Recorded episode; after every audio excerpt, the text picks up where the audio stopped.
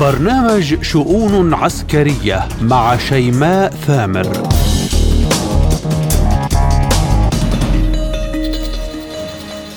مرحبا بكم. ما زال زيلينسكي يحلم حلم اليقظة بالقرم وما زال يتصور أنه مخلص لها من الاحتلال. يضع الخطط لاستهداف شبه الجزيرة والقوات الروسية تستهدف مخازن الأسلحة والمسيرات البحرية. الناتو يندب حظه قائلا ضاعت خمس معداتنا. مساعدات عسكرية جديدة ومدد غربي لكييف. مستشار بالبنتاغون يقول جيش أوكرانيا سيزول والسبب الهجوم المضاد. مخابرات أمريكا منزعجه من تعاون عسكري روسي صيني والدفاعات الجوية الروسية تحبط هجوما بالمسيرات على العاصمة موسكو. ما الاستراتيجية الجديدة؟ وما هو السيناريو القادم؟ وان زال جيش كييف؟ من الذي سيكون بدلا عنه؟ باتت الصورة تتوضح رويدا رويدا. القارة السمراء لطالما كانت هدف أوروبا الثابت وصمام أمان لما فيها من خيرات. السمراء وروسيا استراتيجية تعاون جديد. هل سنشهد تعاون عسكري بينهما؟ كيف سينعكس وجود روسيا بتلك القارة التي تؤكد وزيرة اتحادها أنه آن الأوان للتخلص من الاستعمار الغربي. صورة روسية أفريقية قد تثير غضب الكثيرين وأولهم واشنطن. فما خياراتها؟ وهل ستقف مكتوفة الأيدي؟ عاشوراء قبيل يوم عاشوراء.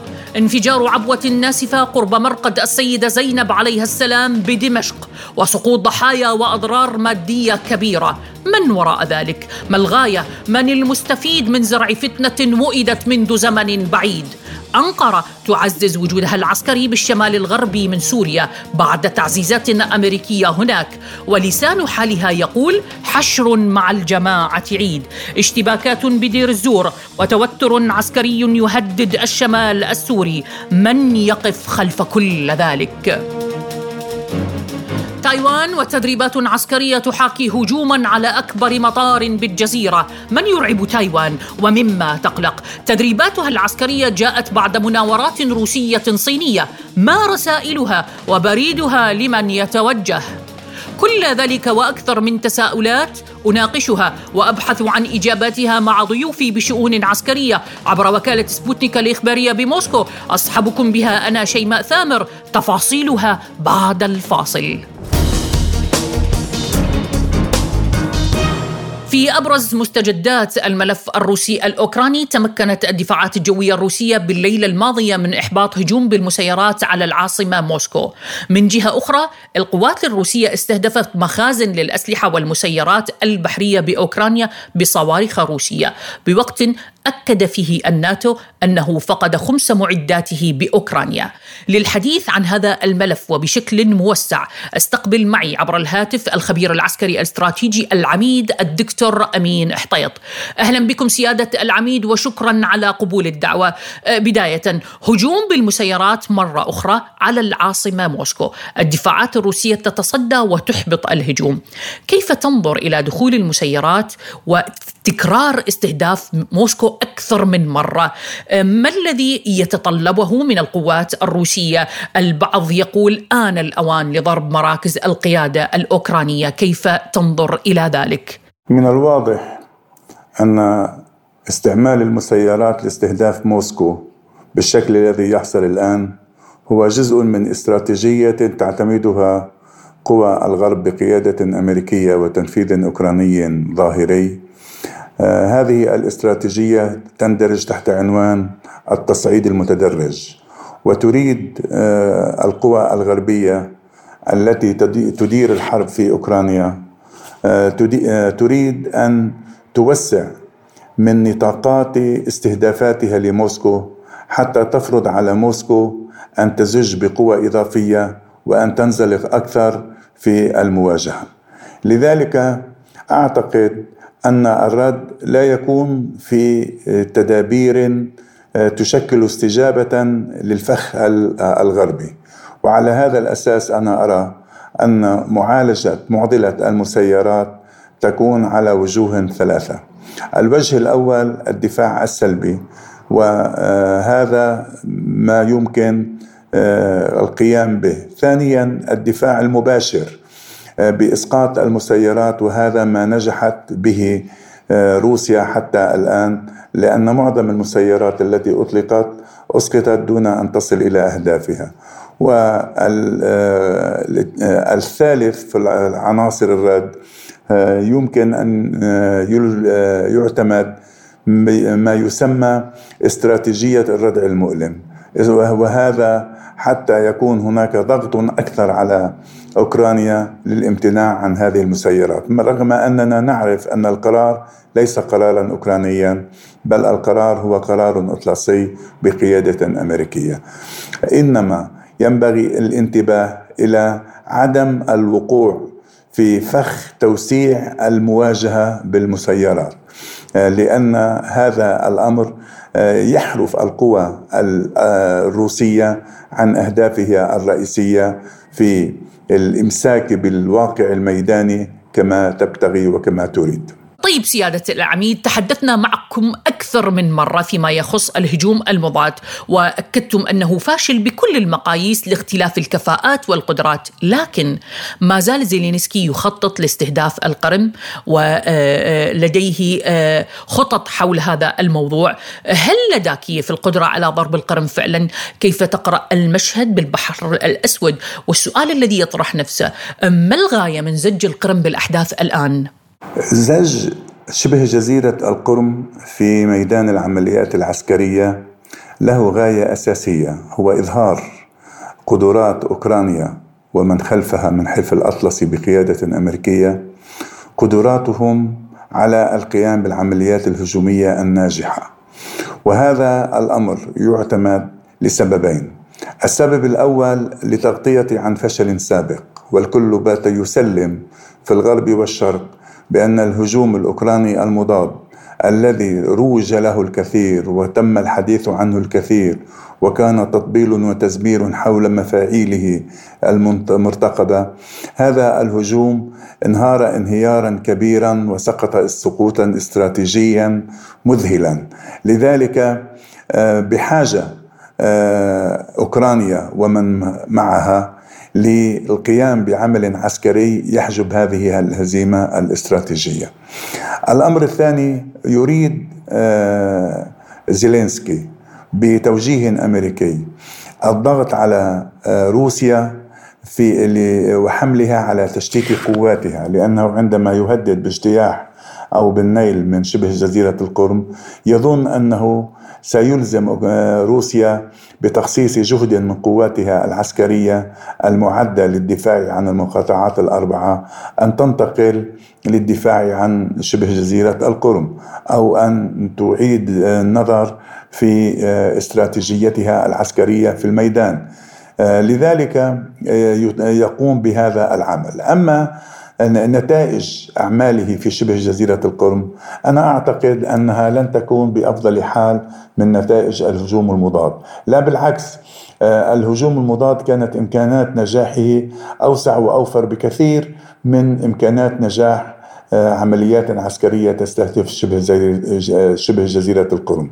لذلك أستطيع أن أقول أن التلويح بتحريك أو التحريك ملف شبه جزيرة القرم والادعاء بالقدرة على تحريرها هو ذو غايات وطبيعة آه، نفسية أو حرب نفسية أكثر منه إمكانات عملانية لأن الأفق الميداني والعملاني أعتقد أنه شبه مسدود بوجه زيلينسكي ومن يقف خلفه. باعتراف من قبل مسؤول سابق بالبنتاغون أكد أن الهجوم المضاد سيكون مسبب بزوال الجيش الأوكراني. هذا التصريح يقودنا إلى سؤال أعمق إن صح التعبير. أه، طيب من سيقاتل بدل جيش كييف بطبيعة الحال الغرب يزج بالمرتزقة هناك؟ هل ستكون الصورة أكثر وضوحا سيادة العميد؟ أه، أولا هناك ثلاث مسلمات ينبغي أن أه، تؤخذ بالاعتبار. في تقييم الوضع وإجابة على هذا السؤال. المسلمة الأولى أن القوات الروسية لديها من القدرات ما يمكنها من الاحتفاظ بالمكتسبات التي حققتها ولا يمكن أن تتنازل عنها بأي شكل من الأشكال. المسلمة الثانية أن القوات الأوكرانية لا تملك القدرات التي تمكنها من تحقيق شيء من أهدافها وأنها تتجه بطريق أكيد وثابت نحو التآكل الذي يصل بها في نهاية المطاف إلى الإضمحلال. آه، المسلمة الثالثة أن الحلف الأطلسي بقيادة أمريكية آه، ليس لديه النية وليس له لديه الظروف الموضوعية التي تمكنه من إرسال تشكيلات عسكرية إلى أوكرانيا لمواجهة الجيش الروسي. على هذا الأساس على ضوء هذه المسلمات الثلاثة آه، يمكن أن تقرأ الأحداث في أوكرانيا.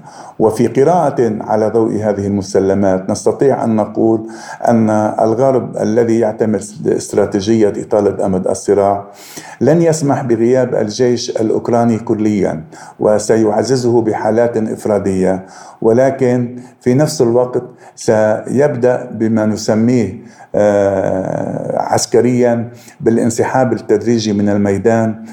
هذا الانسحاب الذي يستلزم وقتا ولكن يحاول الغرب خلاله أن يتنصل من الهزيمة القائمة والهزيمة القادمة استراتيجيا.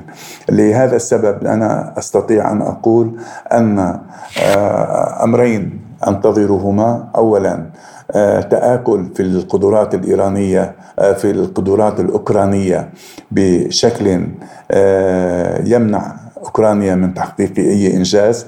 والأمر الثاني ضخ حالات وتشكيلات جماعات أفراد من أجل إبقاء هذه القوى تعمل تحت العلم الأوكراني دون أن تشترك القوات الأطلسية بالحرب مباشرة.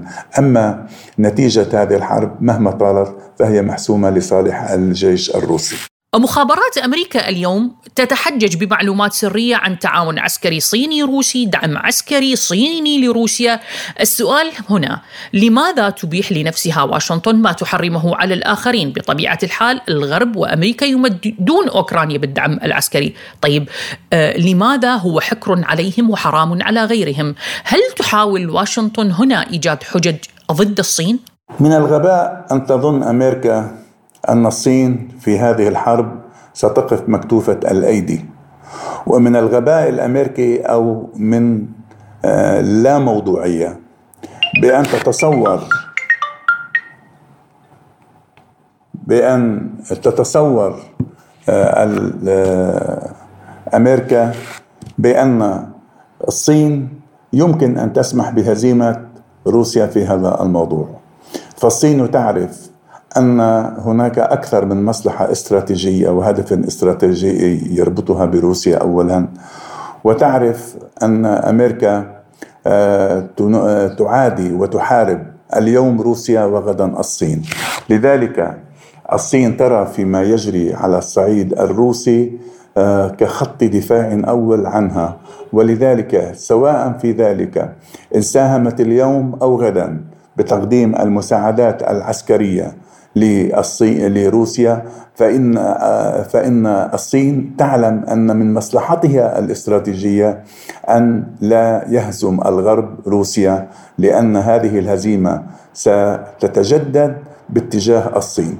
لذلك أنا أعتقد أن آه، الصين سواء كانت قد فعلت وقدمت المساعدات العسكرية أو هي بصدد تقديمها أو بصدد برمجة هذا الموضوع فإنها لن تعبأ بالاملاءات أو بالتمنيات الأمريكية، هذه من جهة، أما من جهة ثانية فإن الصين تعلم أن ليس من حق أمريكا أن آه، تمنع على غيرها ما تقوم به هي نفسها. وأمريكا ليست هي قائدة العالم والوضع الذي كانت فيه أمريكا تملي على العالم شروطها وتضع له سياستها آه، هو وضع أصبح من التاريخ وقد ولى إلى غير رجعة، لذلك أعتقد أن الصين لن تعبأ بما تقوله أمريكا. اولا، ثانيا الصين آه، هي في موقع تجعل أمريكا تهرع إليها لاسترضائها وما الزيارات التي قامت مؤخرا من قبل وزير الخارجية ثم وزير الخزانة ثم كيسنجر للصين إلا من أجل التقرب من الصين لاتقاء الخطر الذي تدعيه أمريكا أنه قادم منها.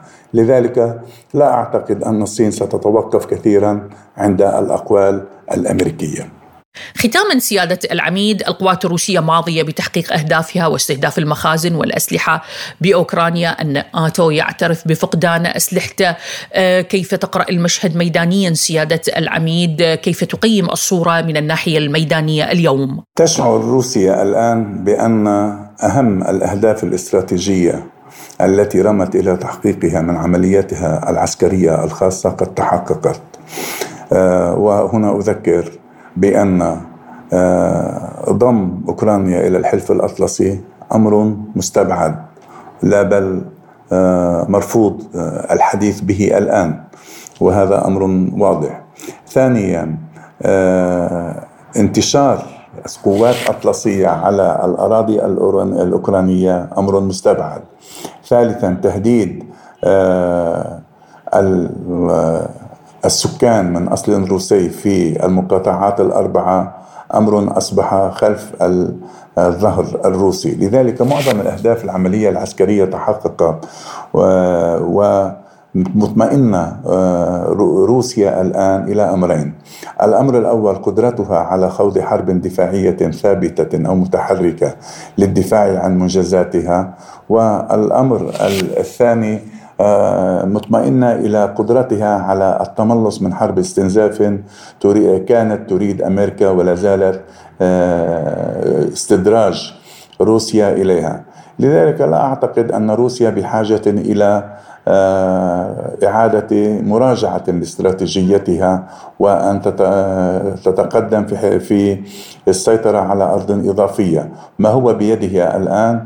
كاف من أجل تحقيق أهدافها الاستراتيجية وكاف من أجل استنزاف القدرات الغربية وكاف من أجل أن ينقلب السحر على الساحر أن ينقلب السحر الغربي على الساحر الأطلسي ويجعل آه، الغرب يندم على خططه في اتجاه أوكرانيا، فبالتالي ليس من مصلحة أوكرانيا آه، ليست من مصلحة روسيا آه، رفع سقف المواجهة وليس من مصلحتها توسيع ميدان المواجهة وليس من مصلحتها الاستجابة إلى التصعيد الغربي لأن في التصعيد اليوم خدمة للمصالح الغربية وهذا لا يفيد روسيا. روسيا الآن في الوضع الذي هي فيه هي في وضع آمن ومستقر تستطيع أن تحمي منجزاتها ومكتسباتها وأن تفشل السياسة الغربية ضدها. الخبير العسكري الاستراتيجي العميد أمين حطيط كنت معي ضيفا كريما شكرا لكم وحياكم الله.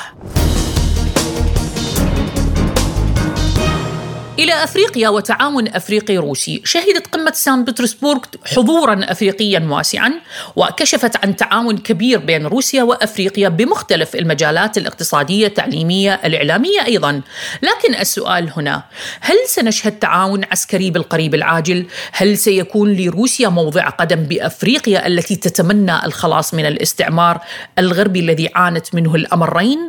للحديث عن هذا الموضوع ينضم معي عبر الهاتف الخبير بالعلاقات الدولية الدولية والأمريكية. الكاتب الصحفي الدكتور أيمن سمير. أهلا بكم دكتور معنا. وبداية كمراقب وخبير بالعلاقات الدولية كيف تنظر إلى التقارب الروسي الأفريقي؟ ما الأهمية التي يمثلها هذا التقارب؟ دكتور بوقت نشهد فيه الكثير من التجاذبات الصراعات التحالفات من هنا وهناك.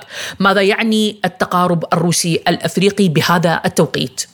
اولا أنا في تقديري هناك مقبولية أفريقية آه، آسف آه، هناك مقبولية آه، روسية في أفريقيا. الدول الأفريقية والشعوب الأفريقية بتشعر بميول كبيرة تجاه التعاطي والتعامل مع روسيا. لماذا؟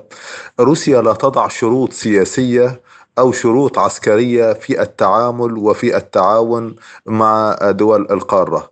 آه، كما تعلمين الولايات المتحدة الأمريكية تصنف نفسها مع حلف الناتو مع الاتحاد الأوروبي مع اليابان وكوريا الجنوبية واستراليا يصنف نفسهم بأنهم تحالف القيم وتنظر للدول الأفريقية بدونية. وسبق للرئيس الأمريكي السابق دونالد ترامب أن سخر من الأفارقة ومن الشعوب الأفريقية ومن الزعماء الأفارقة.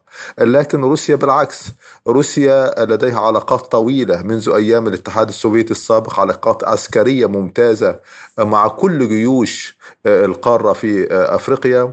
لذلك الآن هناك نحو 35 دولة أفريقية لديها بعثات تعليمية في المعاهد والكليات والجامعات العسكرية الروسية الطبقة العسكرية الجديدة في أفريقيا تريد وتتمنى أن يكون التعليم الروسي والتكتيك الروسي والأسلحة الروسية هي التي تنتشر في القارة الأفريقية. الدول الأفريقية في تقديري سئمت وملت الحديث الفرنسي وملت الحديث الولايات المتحدة الأمريكية والدول الغربية عن دعم إفريقيا.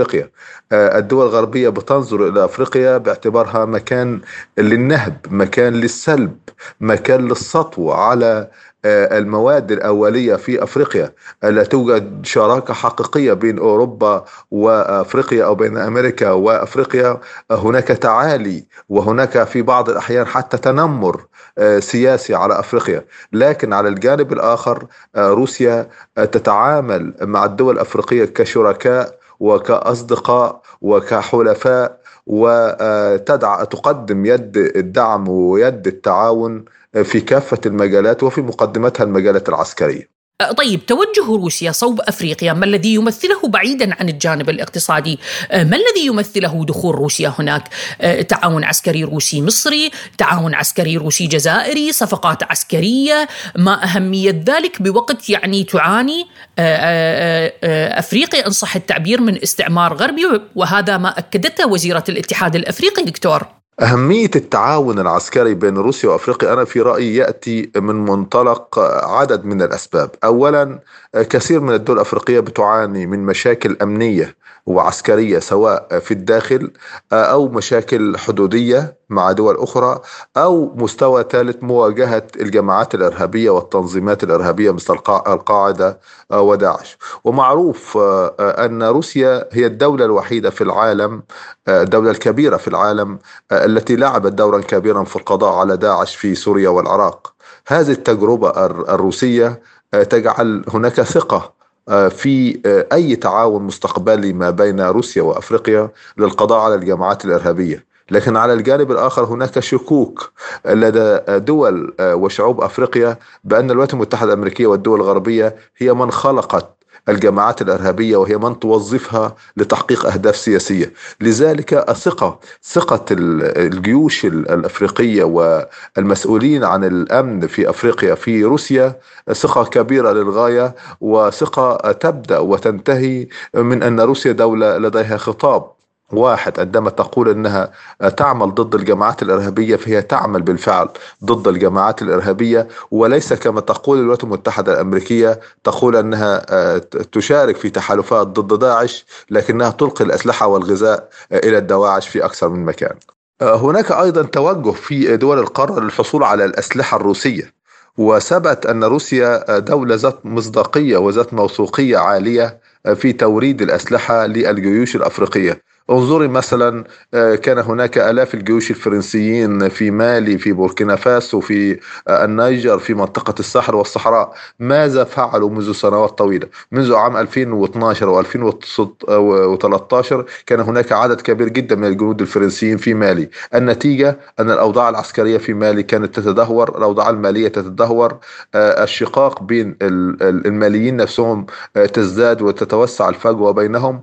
لذلك كان طبيعي جدا أن الحاك المجلس العسكري الحاكم في مالي الآن هو يريد مزيد من التعاون مع روسيا ومع الجيش الروسي وليس مع الجيش الفرنسي والدول الغربية. نفس الأمر في بوركينا فاسو نفس الأمر في دول كثيرة جدا في منطقة الساحل والصحراء وعلى الساحل الغربي من أفريقيا تأمل وتتمنى أن يتوسع التعاون العسكري ما بين الجيوش الأفريقية والجيش الروسي والحصول على الأسلحة الروسية.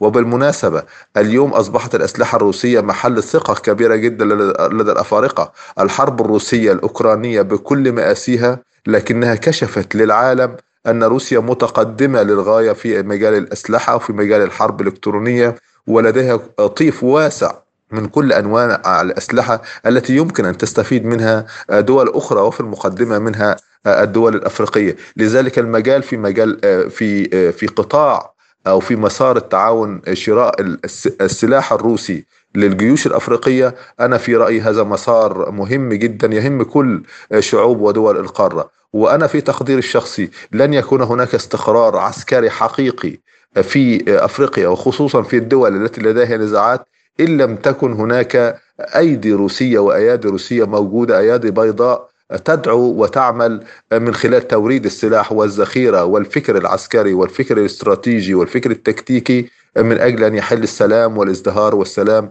في أفريقيا. أفريقيا جربت المعسكر الغربي وكانت النتيجة مريعة وفاشلة للغاية لم تنجح لا الولايات المتحدة الأمريكية ولا حلفائها وفي المقدمة فرنسا في تحقيق أي دعم للأفارقة تحديدا في المجال العسكري. أكبر دليل على أن روسيا لديها مقبولية كبيرة جدا في مجال التعاون العسكري مع الدول الأفريقية هو التعاون الذي بدأ منذ عام 2015 بين مصر وما بين روسيا وزيارة الرئيس عبد الفتاح السيسي في ذلك العام والتوقيع على عدد كبير جدا من مذكرات التفاهم والاتفاقيات العسكرية المعروفة والمنشورة. نفس الأمر بالنسبة للجزائر. لكن أنا في تقدير التعاون العسكري بين روسيا وأفريقيا سوف يصل إلى دول ربما لم يكن حتى لديها من قبل تعاون مع مع روسيا. لماذا؟ الجميع اليوم يراهن ويقارن بين نموذجين النموذج الفرنسي الذي كل دول الدول الأفريقية تتهمه بأنه لعب دور كبير جدا في المشاكل الأفريقية في إثارة النزاعات في أفريقيا بينما دخول روسيا إلى أفريقيا الوسطى ساهم في تحقيق يعني نوع أو درجة عالية جدا من الاستقرار النسبي في أفريقيا الوسطى. هذا النموذج الذي فرضته روسيا نموذج السلام والاستقرار وهزيمة المجموعات الانفصالية والإرهابية في سوريا وفي أفريقيا الوسطى وحاليا في مالي أنا في رأيي بيشكل نموذج للتعاون المستقبلي العسكري ما بين روسيا والدول الأفريقية. لأن الدول الأفريقية لديها موارد يعني ضعيفة جدا عندها هشاشة في بعض المناطق والحدود هشاشة سياسية وعسكرية وبالتالي هي تحتاج إلى شريك موثوق به وليس شريك يتلاعب به. كما تلاعبت فرنسا وتلاعبت الولايات المتحدة الأمريكية بالدول الأفريقية، لذلك أتوقع بعد القمة الروسية الأفريقية الثانية في سان بطرسبورغ نتوقع أن يكون هناك مزيد من مذكرات التفاهم، مزيد من الاتفاقيات العسكرية، مزيد من توريد الأسلحة الروسية إلى أفريقيا، وأيضا مزيد من البعثات التعليمية الأفريقية التي سوف تذهب إلى روسيا لتعلم في المدارس والجامعات العسكرية وربما أشار لذلك الرئيس بوتين عندما أشار إلى انفتاح روسيا على مزيد من التعليم ما بين أفريقيا وروسيا ويمكن أن يكون التعليم العسكري جزء رئيسي من هذا الأمر. ختاما دكتور كيف تنظر إلى ردة الفعل الغربية؟ هل ستقف مكتوفة الأيدي واشنطن أمام هذه العلاقة الاستراتيجيه الجديدة التي تبصر النور بين موسكو وأفريقيا؟ ما الذي تنظر تنتظره أفريقيا من روسيا إن صح التعبير أمام ما قامت به دول الغرب هناك ما الذي تنتظره اليوم خاصة مع ما يحدث في النيجر؟ اولا الدول الغربية سوف تحاول عرقله التعاون العسكري الروسي الأفريقي بشتى المجالات. سوف تتهم روسيا بكل الموبقات وبكل الاتهامات وهذا حدث في السابق. لكن أنا في تقديري كثرة الدعاية الغربية ضد روسيا في أفريقيا أو في غيرها بتجعل يعني الشعوب تدرك الحقيقة أكثر وتتعاطف مع روسيا أكثر وتدرك أن هناك دعاية جوبلس الجديد جديدة تأتي من الغرب. أنا في رأيي نعم الدول الغربية منزعجة جدا خصوصا من التعاون العسكري ما بين روسيا والدول الأفريقية لكن في النهاية الدول الأفريقية هي من تقرر.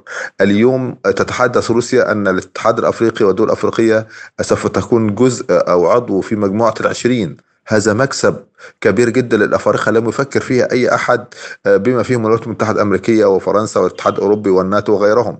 هذا واحد.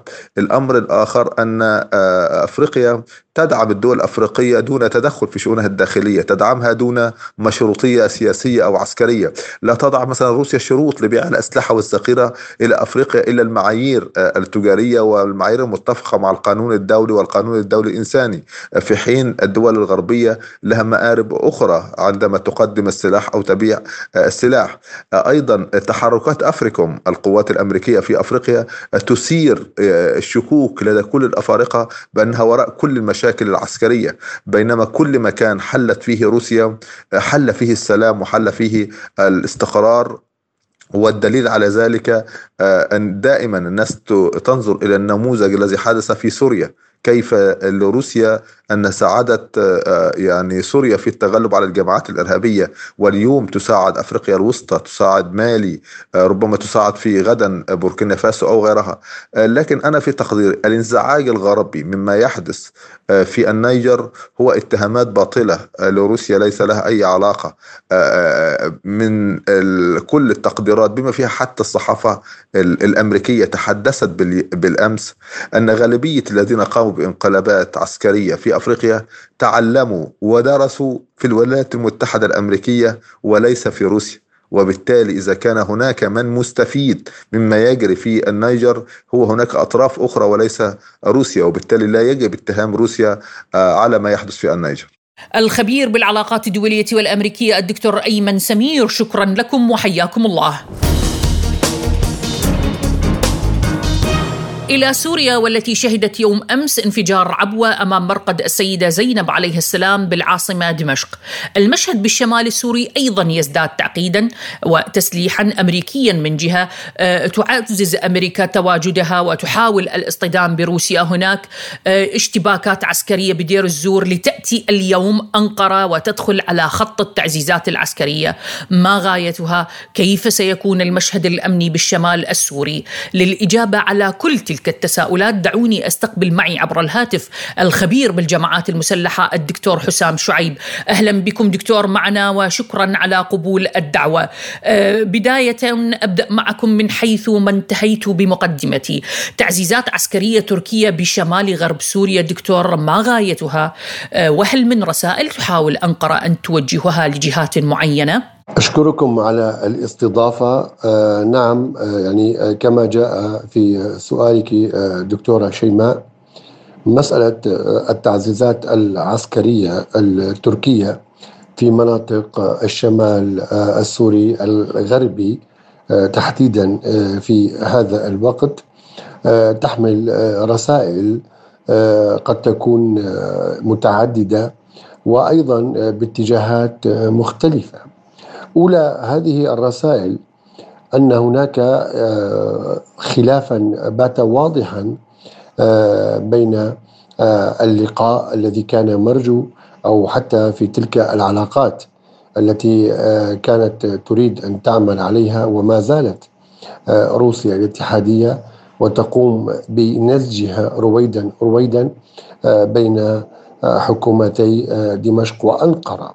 وبالتالي ردة الفعل التركية واضحة آه، تجاه خيبة أمل آه، سياسية تنعكس آه، في حالة عسكرية لتعزيزات لقوات تركية في مناطق الشمال الغربي.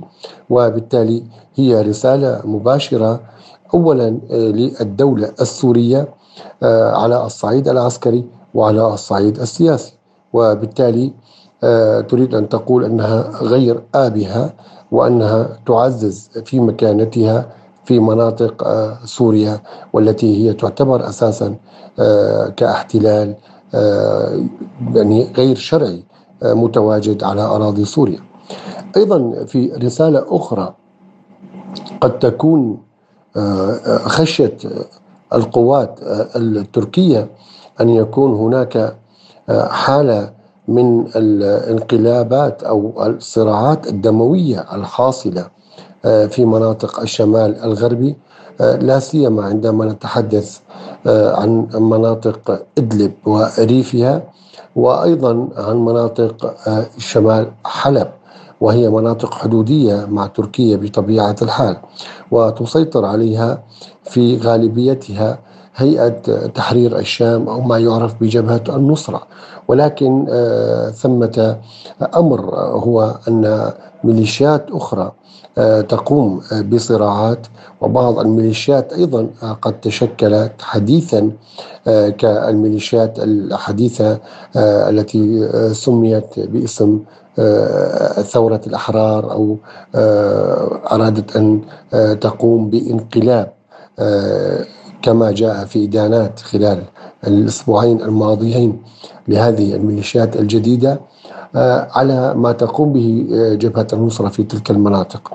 وبالتالي قد تكون تعزيزات عسكرية تركية هي آه، عامل أمان بالنسبة لجبهة النصرة أو حتى لخلق حالة من التوازن العسكري لكل الميليشيا الإرهابية سواء تلك المدعومة بشكل مباشر من تركيا أو غير المدعومة كحراس الدين على سبيل المثال وهي آه، مجموعة في غالبيتها من الأجانب وأيضا آه، تحافظ على مسألة التوازنات آه، العسكرية الحاصلة هناك كي لا يكون هناك خروقات تستطيع من خلالها الدولة السورية أو بين قوسين النظام السوري. من وجهة نظر تركيا وهذه الميليشيات آه، أن آه، تستغلها وأن تستثمرها آه، لخرق جديد في الجبهات العسكرية في تلك المناطق. وبالتالي التعزيزات تؤكد من جديد لهذه المجموعات مسألة وحدة الصف وتؤكد أيضا مسألة التوازن بين هذه آه، المجموعات آه، في المواجهة أمام الجيش العربي السوري وحلفاء سوريا بطبيعة الحال. المسألة الثالثة بتقديري كمؤشر اجتماعي للتعزيزات العسكرية التركية بعدما قيل في الأيام الماضية وخلال الأشهر الأخيرة لا سيما التي سبقت الانتخابات التركية وما بعدها على أن هناك اتفاقات ستكون تركية سورية وعلى أنه من الممكن أن يكون هناك انسحابات آه، للقوات التركية من مناطق سوريا. تأتي هذه التعزيزات لتنفي آه، كل ما قيل سابقا التحدث من وجهة نظر آه، تركيا ولتعزز أيضا يعني حضور تركيا في تلك المناطق على الساحة الاجتماعية. وبالتالي إزالة خيبة الأمل التي تشكلت أو تلك الإدانات التي سمعناها والتصريحات المناوئة لأردوغان. خصوصا أن البعض كان يرى أن أردوغان يناصره أو هو يستعين به على الدولة السورية وعلى الجيش العربي السوري. دكتور ربطا مع ما ذكرتم آه، وربطا مع الأحداث الجارية دير الزور واشتباكات مسلحة، كيف تقرأ المشهد هناك؟ يعني اشتباكات بين فصائل مسلحة هناك والمشهد بضبابية تامة، كيف تنظر إلى الأحداث؟ من يقف خلف ما يحدث اليوم؟ آه، أشكركم آه، دكتورة شيماء على هذا السؤال. نعم يعني الاشتباكات الحاصلة في دير الزور والتي لم تبدأ يعني اليوم قد بدأت يعني منذ أيام ماضية ولكنها يعني كانت أكثر تصعيدا خلال يعني اليومين الماضيين. آه، السبب الحقيقي يعود آه، على أن الولايات المتحدة الأمريكية والتي هي تعتبر الداعم الأساس لميليشيا قصد الكردية المتواجدة في سوريا خصوصا في مناطق الجزيرة السورية وفي مناطق الشمال السوري. آه، اكتشفت مؤخرا آه، أن آه، هذا المكون الذي استأثر بالسيادة لصالحه وأيضا ليس لديه قاعدة هناك في المناطق التحدث عن القاعدة الشعبية وبالتالي غير مقبول شعبيا في تلك المناطق. ما حصل خلال الأيام الماضية هي محاولة تشكيل درع جديد أو ميليشيا جديدة تحت مسمى عربي وأن يكون عناصرها وفاعلوها آه، هم آه، من العشائر العربية في مناطق الجزيرة السورية. وبالتالي أن تكون أيضا آه، في يعني حاضنة قصد أو قريبة من قصد. لكن ما جرى هو عكس المتوقع تماما. أولا كانت الغاية أيضا من تجنيد بعض يعني العناصر البشرية المحسوبة على القبائل العربية هناك كي تكون أيضا هي في مواجهة أو في حالة توازن. أتحدث من وجهة نظر أمريكية تحديدا. هنا أتحدث عن يعني البراغماتية السريعة آه، الأمريكية في مسألة تغيير الأسلوب والتكتيك آه، بعدما آه، فشلت عسكريا بأكثر من منهج ومخطط حصل.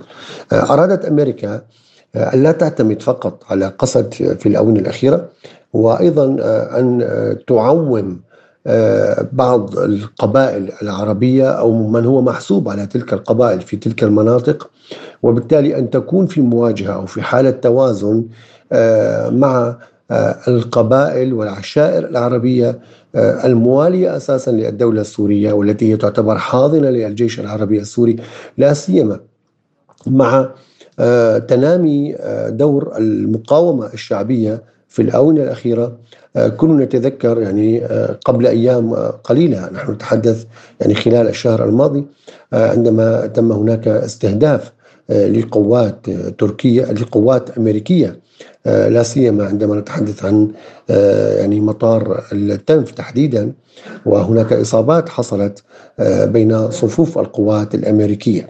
الأمريكي لعله قد انتبه مؤخرا على أن الحاضنة هناك ليست حاضنة لما يسمى بمعارضة أو حتى ليست حاضنة لقسد وإنما هناك حاضنة حقيقية للدولة السورية وهناك مقاومة شعبية غير واضحة أو هي مجهولة بالنسبة للأمريكي أراد الأمريكي الآن أن يعوم فصائل جديدة آه، أو عناصر جديدة. أراد أن يقول أنها عربية وليست كردية.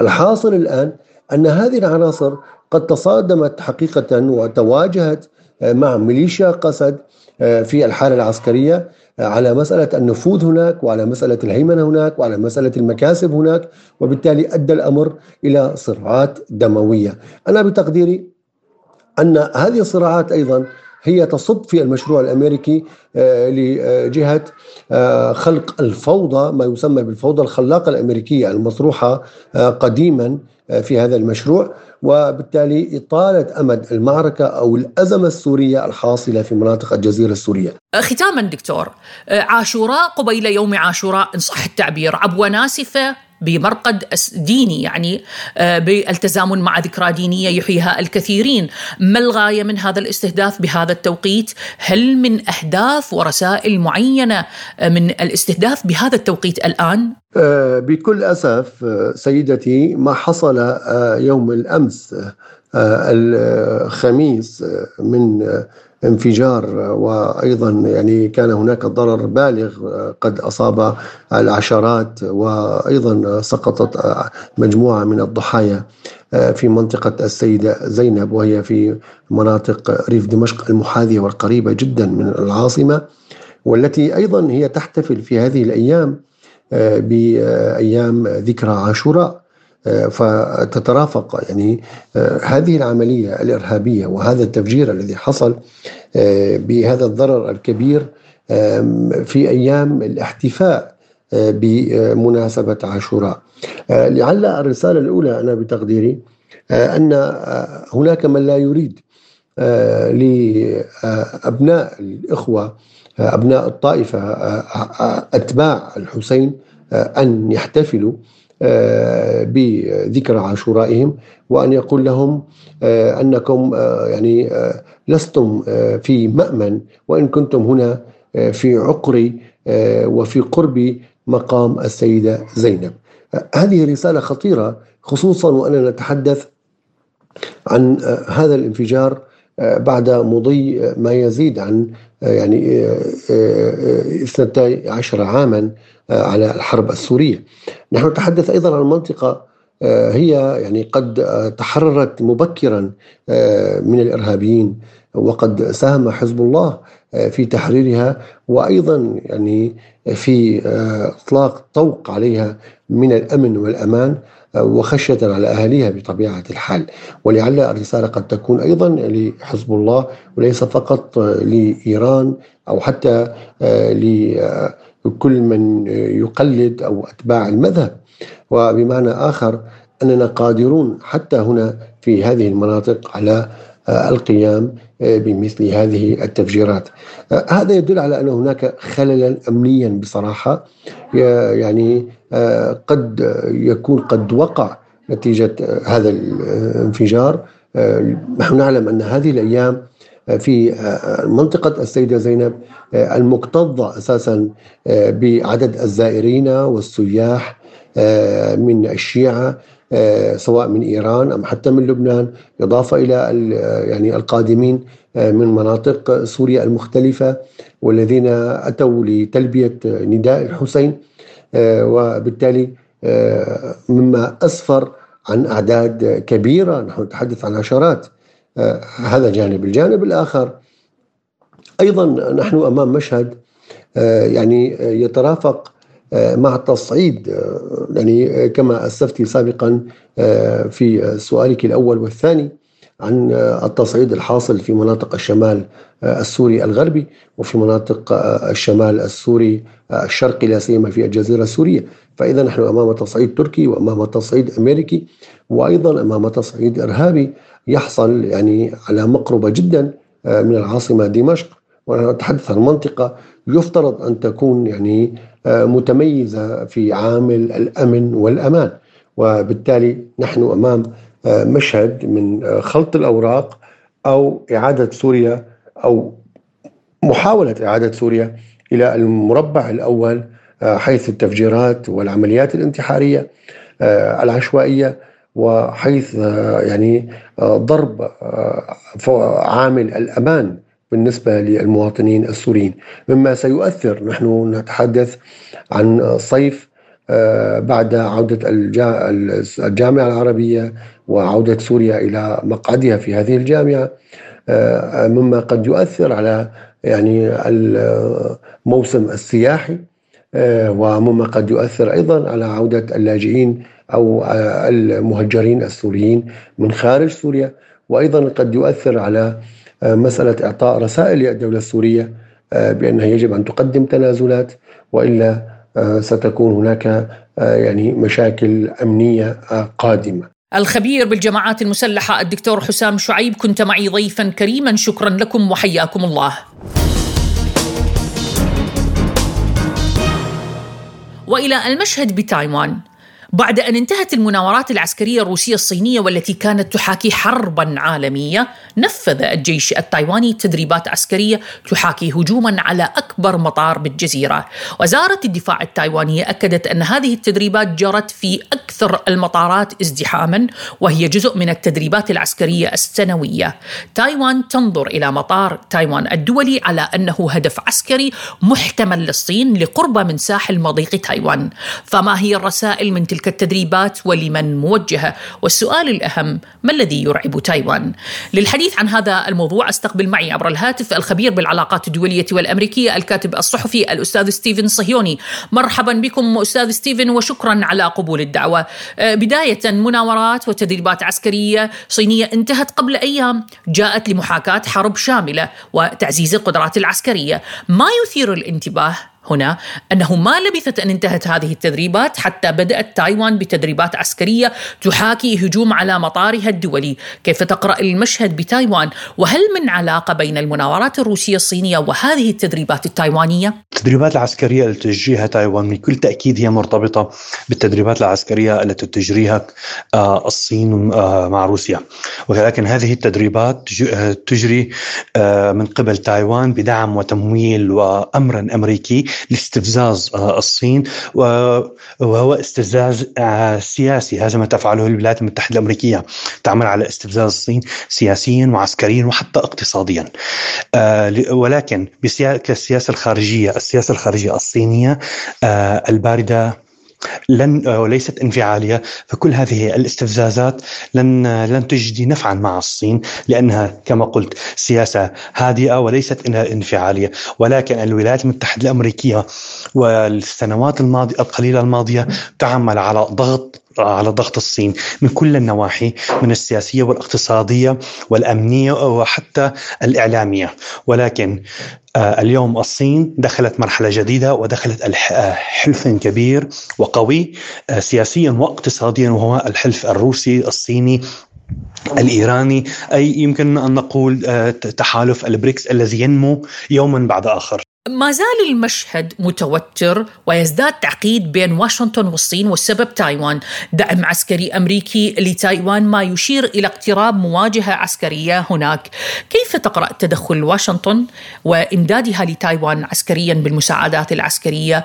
ما الذي تنسجه واشنطن هناك؟ تفعلها الولايات المتحدة الأمريكية من دعم لتايوان ودعم سياسي وعسكري آه، وتمويل أيضا وإعلامي هو أن الولايات المتحدة الأمريكية في السنوات الماضية القليلة الماضية وخاصة آه، من بعد ما آه، استلم سدة الرئاسة البيت الأبيض الرئيس دونالد ترامب بدأ بالتركيز على منطقة الشرق الأوسط وقلتها في مقابلة على إذاعتكم الكريمة إن عندما كان مرشحا إن الرئيس ترامب يريد التركيز على جنوب شرق آسيا آسيا وأن يدع الشرق الأوسط وخلافاته آه، ليست أولوية كما كانت في آه، في الماضي، اليوم الأولوية هي جنوب شرق آسيا، هي هذه الدولة التي تقوي كل يوم وتتعاظم كل يوم وهي الصين سياسيا واقتصاديا وامنيا ومعيشيا وتنمو بشكل كبير، لذلك الحرب على الصين اقتصاديا وسياسيا أيضا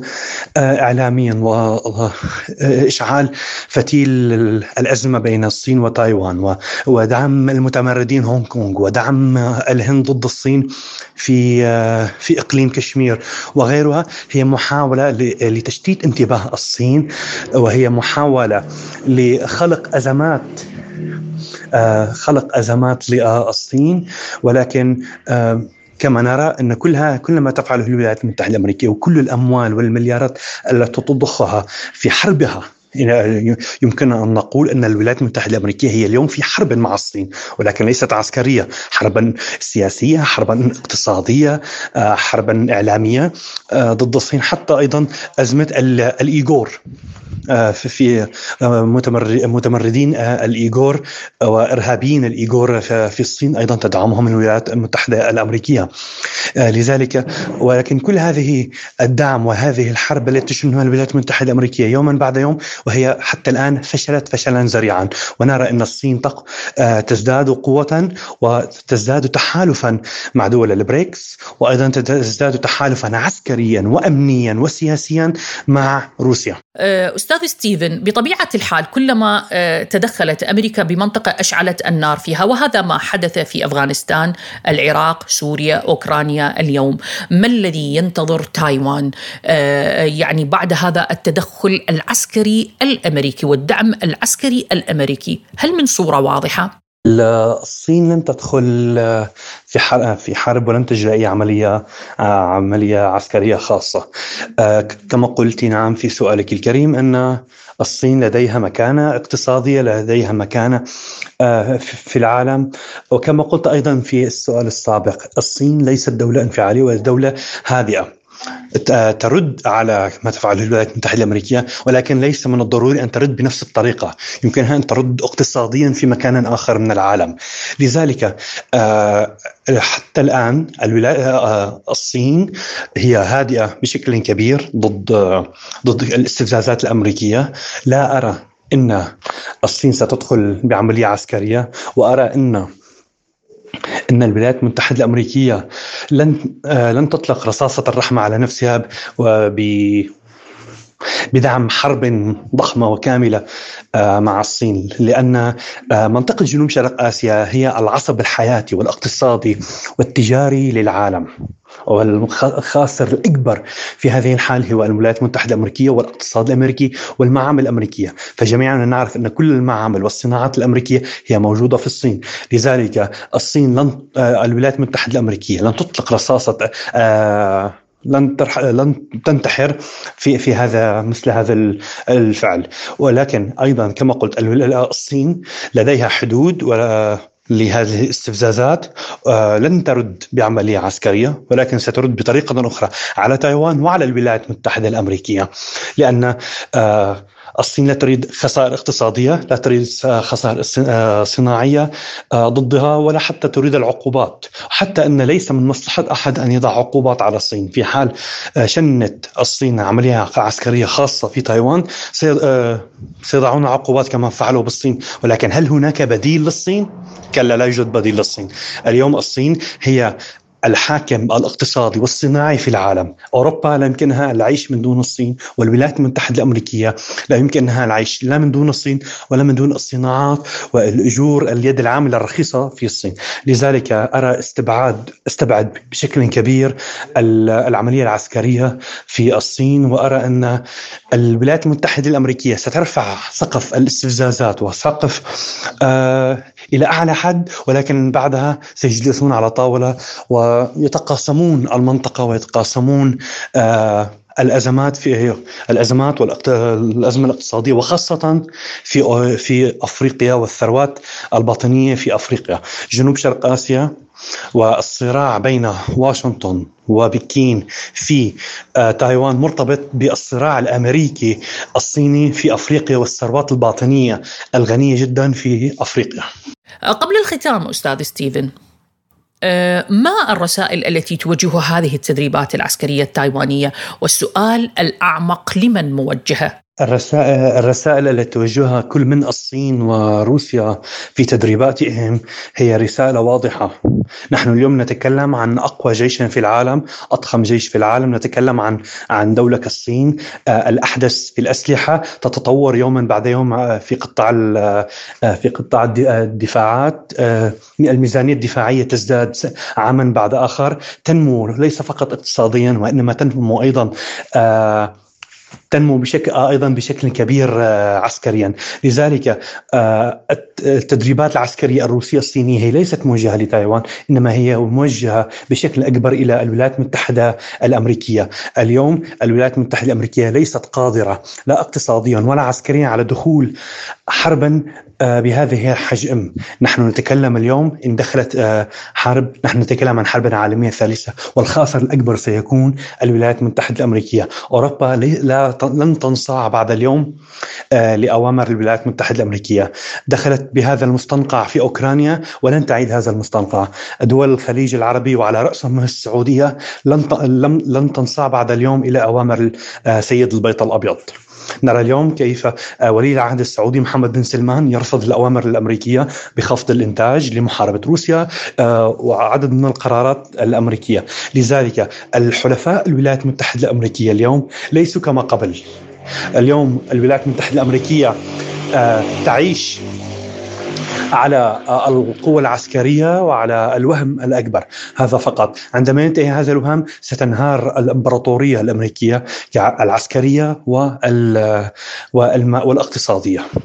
لذلك آه، الرسالة التي تجريها كل من بكين وموسكو لتايوان وللولايات المتحدة الأمريكية هي رسالة آه، أن هناك خطا أحمر لا تقترب منه وأن هناك يمكننا أن نرد ولكن نحن من نختار متى وأين وكيف.